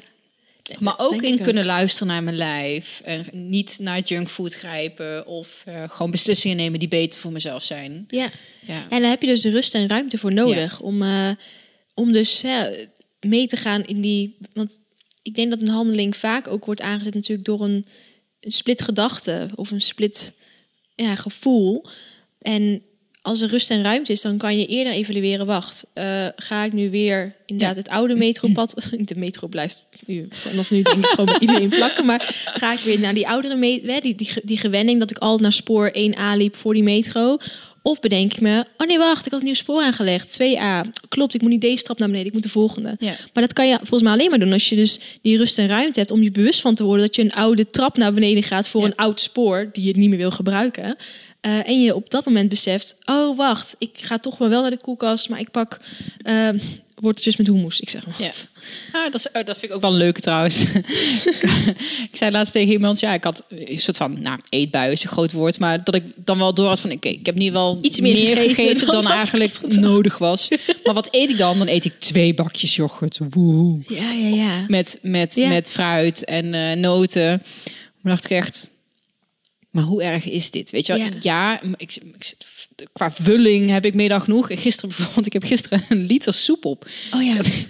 Oh, heerlijk. Ja, Ja. soep is ook zo lekker. Ik, ik heb het ook heel vaak, Paul ook. We eten echt veel soep. Zo lekker. Ja, maar en dan denk ik, nou ja, als dit een eetbui is, I can live with Het is this. oké, ja. It's okay. Het is wel, maar het is getransformeerd, toch? Dus Ja. het is in ieder geval al beter dan dat het eerder was. Ja. Dus ik denk dat dat is al een super mooie stap. Maar en dat is ook, weet je, dat hele van, daar heb je dan behoefte aan. Dat is allemaal stress en ontspanning gerelateerd. Want Ja. je hebt het dan nodig om even, zeg maar, dieper in die ontspanning te kunnen zakken. Ja. En het feit dat je dan heel langzaam aan andere keuzes maakt, Ja. die, die je dan oprecht ook heel erg lekker vindt. Denk, ah, er is echt wel wat eh, veranderd in die zin. Ja, En, en dat is ook, weet je, ik, ik merk met, natuurlijk met superveel topsporters en mensen denken vaak dat topsporters van de diëtist nooit meer mogen snoepen. Want ja, het zijn topsporters, ze hebben Olympische droom, bla bla bla. Maar juist voor zo'n topsporter en eigenlijk bij alle cliënten die ik begeleid, zit er altijd ook zo'n moment in van, nou, weet je wat, voor je gemoedstoestand, voor, ehm, nou ja, vullen, voeden, hoe je het ook wil noemen. Neem ook even wat, wat je lekker vindt. Ja. En inderdaad, pleasure food. ja, precies. Weet je wel, en ik denk juist dat je dat ook echt wel nodig hebt om ehm, ook heel even weer je gemoedstoestand, gewoon heel even met dat eten gewoon die ontspanning in te kunnen gaan. Ja. Dus dat het ook helemaal niet erg is als je wel een keer eh, wat meer van dit eet of eh, ehm, ja, wel eens een keer een mini eetbui hebt. Ik denk dat het nog wel gewoon zal voorkomen. Dat is ook gewoon het leven. ja. En dat is helemaal prima. Maar zolang je weet dat dat je steeds vaker dat nieuwe pad aan bewandelt en heel af en toe nog naar dat oude spoor pakt, Ja. nou, helemaal prima. Die nieuwe baan is er toch al. Ja, nou, wel mooi. Ik zal even kijken. Ja. ik had nog zoveel vragen. ik was er al een beetje bang voor. Nou, één laatste ding waar ik het dan eigenlijk nog wel met je over wil hebben. Dat vind ik ook wel heel interessant. Ehm, en je deed volgens mij ook al voordat je naar de jungle ging een social media detox. Ja. Ja. Wat, eh, wat was daar de aanleiding voor? Oh ja, supermooi. Ja, eh, nou, ik zal het even kort uitleggen. Ik was vorig jaar was ik naar Ibiza gegaan. In mijn eentje had ik een eh, camper gehuurd en ging ik in mijn eentje rond Ibiza cruisen. Vooral zeg maar de noordelijke kant. Echt super chill. Ehm, en ik merkte dat ik aan de ene kant heel goed met die gewoon alleen kon zijn. Dat merkte ik wel. Ik had ook wel heel erg die vakantie nodig. Maar ik merkte ook wel, en daar kon ik me heel erg aan storen, dat ik op momenten dat ik het even lastig vond om alleen te zijn, dat ik toch gewoon mijn telefoon greep. Dus dat ik soms ehm, bijvoorbeeld uit eten gaan vond ik heel fijn. Ook een heel mooi voorbeeld. Hè. Ik had wel een regel van oké, als ik uit eten ga, wil ik niet op mijn telefoon zitten, want ik vind daar zelf altijd heel gek eruit zien. Dus oké, challenge, weet je wel. Dat ging goed. Ehm, maar bijvoorbeeld als ik alleen met de camper was en ja, ik had geen boek meer om te lezen en ik dacht, ja, ik ga maar gewoon even een documentaire kijken. Dan zat ik ook weer op die telefoon. En had ik ook wel de drang om dat te laten weten aan mensen dat ik een nieuwe docu had gekeken. Oké. En dus ik merkte dat ik best wel met die telefoon bezig was. Maar ja, als je alleen op vakantie bent, het enige wat je krijgt is eigenlijk of een selfie of mensen die dan foto's van je maken. En ik, ja, ik irriteerde me eigenlijk een beetje aan mijn eigen gedrag. Van ja, ik wilde wel alles delen met de buitenwereld. Maar ja, aan de andere kant was ik ook alleen voor mijn ontspanning. Dus hoezo was ik met die telefoon bezig? Dus ik had me toen voorgenomen van... Ik ga aan het einde van het jaar ga ik gewoon twee maanden offline. Kijk maar even, ik ga wel even kijken waar ik tegenaan loop. Ik ga het gewoon doen. En natuurlijk kwam, wist ik al wel dat ik naar Brazilië zou willen gaan. En nou, rond september werd het dan ook definitief. Dus in die zin was het makkelijker, omdat we gingen al naar Brazilië voor 4,5, bijna vijf weken. Eh, maar ik st- startte op 1 december en ik eindigde eind januari. En er is een eh, Katie Bouwman heet zij, Nutritious Movement. Die had het ook al eerder gedaan. En ik vond haar aanpak wel heel tof. Ze had het van tevoren had ze het aangekondigd. En eh, zij ging met de hele zomer ging ze offline. Um, is ook echt een tip om haar te volgen. Echt, ik weet niet of je haar kent, Nee. Katie Bouwman. Het Ehm, ja, zij doet heel veel over goed bewegen. Ze heeft ook een boek geschreven, Move Your DNA. En ja, ik vind haar gewoon heel erg inspirerend hoe zij op een leuke manier met echt beweging omgaat. En niet een beetje fitnessen, maar echt gewoon beweging in je dagelijkse praktijk eh, integreren. Nutritious Movements. Eh, daarnaast loopt ze ook op Earth Runners. Dus ja, ik had meteen al een connectie met haar Ja. natuurlijk. Maar, ehm, eh, maar in ieder geval, dus ik had al voorgenomen, ik ga, ik ga gewoon even stoppen met social media. Dus ik kondigde het al vanaf november al aan. Ik denk, dan laat ik het wel weten. ik, heb het, ik heb het gezien. Ja, ik denk, van- laat het wel weten. Dan weten mensen dat ik het bewust doe. Ehm, en ik moet zeggen dat het me echt heel veel heeft opgeleverd. En vanaf na de eerste week was het onwennig. Want dan pas zie je hoe vaak eigenlijk, tenminste ik Is voor bizar, mezelf, hè? hoe vaak ik fo- foto's maakte om te kunnen posten. Dus bijvoorbeeld dat ik naar buiten ging en eh, een mooie zonsopgang. Dat ik dacht, oh, dan moet ik een foto van maken, want dan kan ik hem posten. En- maar dat ik eigenlijk veel... Ja, nu had ik heel vaak dat ik dacht... Hé hey Paul, wil je een foto maken? En dat we alle twee dachten van... Ja, voor wat? Je gaat toch niet posten? Nee, klopt. Weet je wat? Laat maar. En op een gegeven moment liet ik mijn telefoon dus ook thuis. Dus dat... Oh, dat was zo chill. Dus ik had vijf dagen misschien een lichte ontwenning. En ehm, nou, daarna vlogen we naar Brazilië. En dat was heel tof, want ik had eigenlijk gewoon mijn vlogcamera meegenomen. Dus ik had gewoon ja, wat te zeggen op de, op de film. En verder heb ik heel, veel, heel weinig met mijn telefoon gedaan. En kijk, we waren natuurlijk eerst wel in de stad. En daarna gingen we echt in de jungle in. En in de jungle hadden toch geen bereik. Dus dat was helemaal prima. En eh, heel fijn, want je, je batterij gaat in één keer veel langer mee. dus dat was heel fijn. En ik merkte ook dat het echt aan het wegappen was. Dus daar waar ik in het begin nog heel erg een soort van de drang had van... oh shit, eh, ik wil het aan mensen meegeven of ik wil dit delen... ja, zakte dat al bij binnenkomst in Brazilië al weg. Want ja, wat moest ik dan met die telefoon? Ja, je hebt niet meer ouderwets Snake of zo. Dus ik had heel weinig te doen met die telefoon... anders dan eh, een goed eetentje opzoeken of zo in de stad. En ehm, ja, dus ik heb het... Ik denk één week voor, dat, voor eind januari had ik weer de drang om iets te posten. Heel bewust, ook ingezet. En ehm, ik moest heel erg bijkomen van al die prikkels. Dus ik, ik ging online en ik had allemaal notificaties en dingen. En ik had het ook heel rustig opgebouwd. Dus eerst volgens mij Instagram en dan een beetje Facebook en dan Twitter. En ik vond het super, super spannend. Maar ik merkte ook meteen die overload aan prikkels die ik binnenkreeg. En daar moest ik nog heel erg aan wennen. Dus in de maand februari heb ik wel wat online gezeten. Maar ook wel heel erg bewust kiezen. Want die prikkels waren zo intens. En eh, ook wel bewust wat mensen dus gaan ontvolgen. Omdat ik echt zag dat het gewoon wat ruis was op de radar. Eh, gewoon wat dingen, hè, dat ik die persoon eigenlijk wel heel leuk vind. Maar dingen die ik voorbij... Ja, dat, dat, dat niet meer echt. Dat ik dacht, nee, volgens mij is het beter voor mij als ik gewoon mensen ontvolg. En ehm, dus ook wel gewoon social media opgeschoond.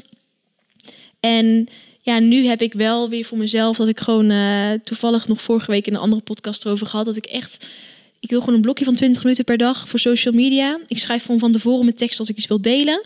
Ik kies een foto uit die ik wil delen.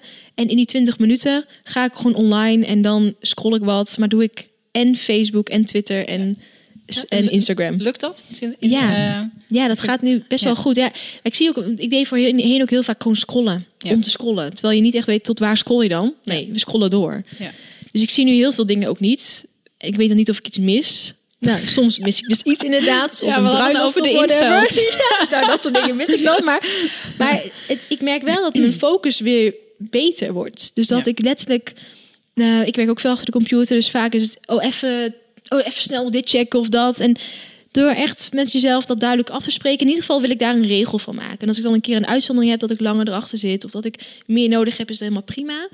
Hè, dat, dat, dat je meer privéberichten krijgt of net wat. Alleen, dit is eigenlijk wel de regel waar ik naar streef. Gewoon om weer heel even meer... En zeker nu met het mooie weer, weet je wel. Ja, helemaal prima. Maar gewoon iets meer... ehm, zonder die telefoon. En ik heb WhatsApp al eraf gegooid. Dus ik ben al wel bezig om mi- minder met mijn telefoon te doen. Dus dat, het gaat de goede kant op. En ik wilde gewoon, zoals ik zeg, ik wil me niet echt ergens in beperken. Maar ik wil gewoon kijken tot waar ik het comfortabel vind. En, en, werk, en werkbaar. Dus Ja. dat ik nog Ja, steeds want kan... voor jou zal het ook zijn. Het is ook deels je werk natuurlijk. Je, hebt wel, je wil wel graag, wat je zei, van ik voel Ja. die drang, die missie om Ja. met duurzaamheid bezig te zijn, om mensen te inspireren en te Precies. motiveren. Ja. En het is wel een tool die we met z'n allen Ja. inzetten om dat te kunnen doen. Dus Ja. dat heb ik ook. Het voelt heel dubbel. Ja, Ik ben van Facebook af, ja, Ja. goeie. Maar dat kan dan eigenlijk niet, want, Want je hebt die pagina. Precies, heb ik ook. Ik heb ook nul vrienden. Ja, klopt. Je hebt gewoon... Ik ja. ben in de afgelopen maand ongeveer Want je, je kan niet in één keer alles unliken op Facebook. Nou, ik heb nu wel alles geunliked. Ja, beter. En dan zat ik elke keer, want je kan in je activiteitengeschiedenis, Kan kan je je, terug naar pagina's ja. die je hebt geliked eh, in de afgelopen vijf jaar. Nou, dan kom je dingen tegen, denk ik, huh? dit zie ik nooit op mijn timeline. Dan Ja. word je pas bewust van het, van het algoritme van. Facebook. Dat je echt maar, nou, dat is echt een leuke, Bizar. Ja. leuke exercitie om gewoon eens te doen. En denk, oh ja, oh, dit vond ik inderdaad leuk drie jaar geleden, Ja, weet je wel. Maar eh, en nu vind ik echt niks meer leuk. En die zie ik, als ik nu naar mijn timeline ga, zie ik ook echt alleen maar die, die twee groepen die ik zelf beheer. Ja, en dat is, dat is dus rust. Dus dat is... Dat is fijn. Ja, dat, is super echt fijn. heel fijn. Ja. ja, want daar hoorde ik les laatst ook iemand over, over dat stukje inspireren. En ik moet zeggen, ik ben eigenlijk nooit zo heel goed in onthouden waar ik het dan heb gehoord. Maar die had het over, eh, ik weet ook niet meer waar, waar ik het hoorde, maar dat ging over een stukje inspireren. Dat kijk, uiteindelijk heel veel mensen die, die worden geïnspireerd door, ehm, door mensen op bijvoorbeeld social media. Alleen bij inspiratie alleen ja, dat is niet genoeg. Nee. Dus het gaat uiteindelijk om een stukje gedragsverandering en het stukje actie dat eraan gekoppeld is. En volgens mij, wat ik hoorde of las, ging het over dat de mensen die je zou willen eh, raken om in actie te komen, dat je die eigenlijk net misgrijpt met social media. Dus de mensen die je inspireert, die waren al op dat pad. Dus die, die waren al daarmee bezig. Dus jij bent Ja. eigenlijk een mooie aanvulling daarop. Je Want- bevestigt hun waarschijnlijk. Precies, ja. Dus zij volgen ze waren al bezig. Ja. Maar de, de, de grootste doelgroep die je zou willen bereiken, die ehm, zijn misschien wel geïnspireerd door dat tekstje. Alleen omdat het maar zo vluchtig is op social media, komt daar niet echt een actie uit. Ja. Ik weet het niet meer waar ik het heb gehoord of gelezen, maar ergens. Ik denk alle twee. Want als ik kijk naar mijn eigen eh, bijvoorbeeld voedingskeuzes, wat ik zei, toch Ja. meer richting de vega. Ik denk wel dat een post van mensen zoals jij, en zijn- ik volg nog, volg nog wat meer, en überhaupt, weet je, documentaires die je kijkt, dat het wel allemaal hoe vluchtig of niet Bijdraagt. Ja, voor ja, mensen ja. die al die al bezig zijn. Dat, geïnteresseerd Ja, dus, die zijn al on the track. Dus die zijn al zeg maar gestart met eh, opstaan en wandelen. Maar degene die nog letterlijk op de bank zitten met een zak chips, die, eh, die zullen daar nog wel blijven zitten. Want daarin is, is, is social media te vluchtig. Ja. Maar ik vind het wel heel mooi. Ik ga het even opzoeken waar ik het nou heb gehoord. Maar, dus dat, dat, maar ja, ik probeer daar zelf dan ook wel. Kijk, ik wil niet zeggen dat social media heel slecht is. Maar ik merk gewoon bij mezelf vooral dat het me soms uit mijn focus haalt. Ja, zeker. En dat ja. als ik hè, voorheen keek ik hier social of als ik in de rij stond of dit en dat. En nu doe ik het gewoon expres niet. En dan pas verbaas je over hoeveel mensen met hun hoofd naar voren gebogen zitten. Ja, joh. De, de telefoon in de hand en dat je denkt... Oh, wow. Volgens mij hebben we over tien jaar heeft iedereen chronische nekken en schouderklachten. Of zijn we gewoon vergroeid? Ja, precies. Zijn we gewoon ja. een soort van bobbel. eh, Maar dan pas valt het je op, omdat Ja. dat, het, dat het zo common is om in de metro, trein, eh, in de rij van de kassa, Ja, ik- overal met die in de, telefoon in de auto merk ik. Ja. ik oh heb- ja, ik, ja. Ja, voor een stoplicht en zo. Of überhaupt in Of de auto. überhaupt gewoon mensen die achter je rijden waarvan je denkt...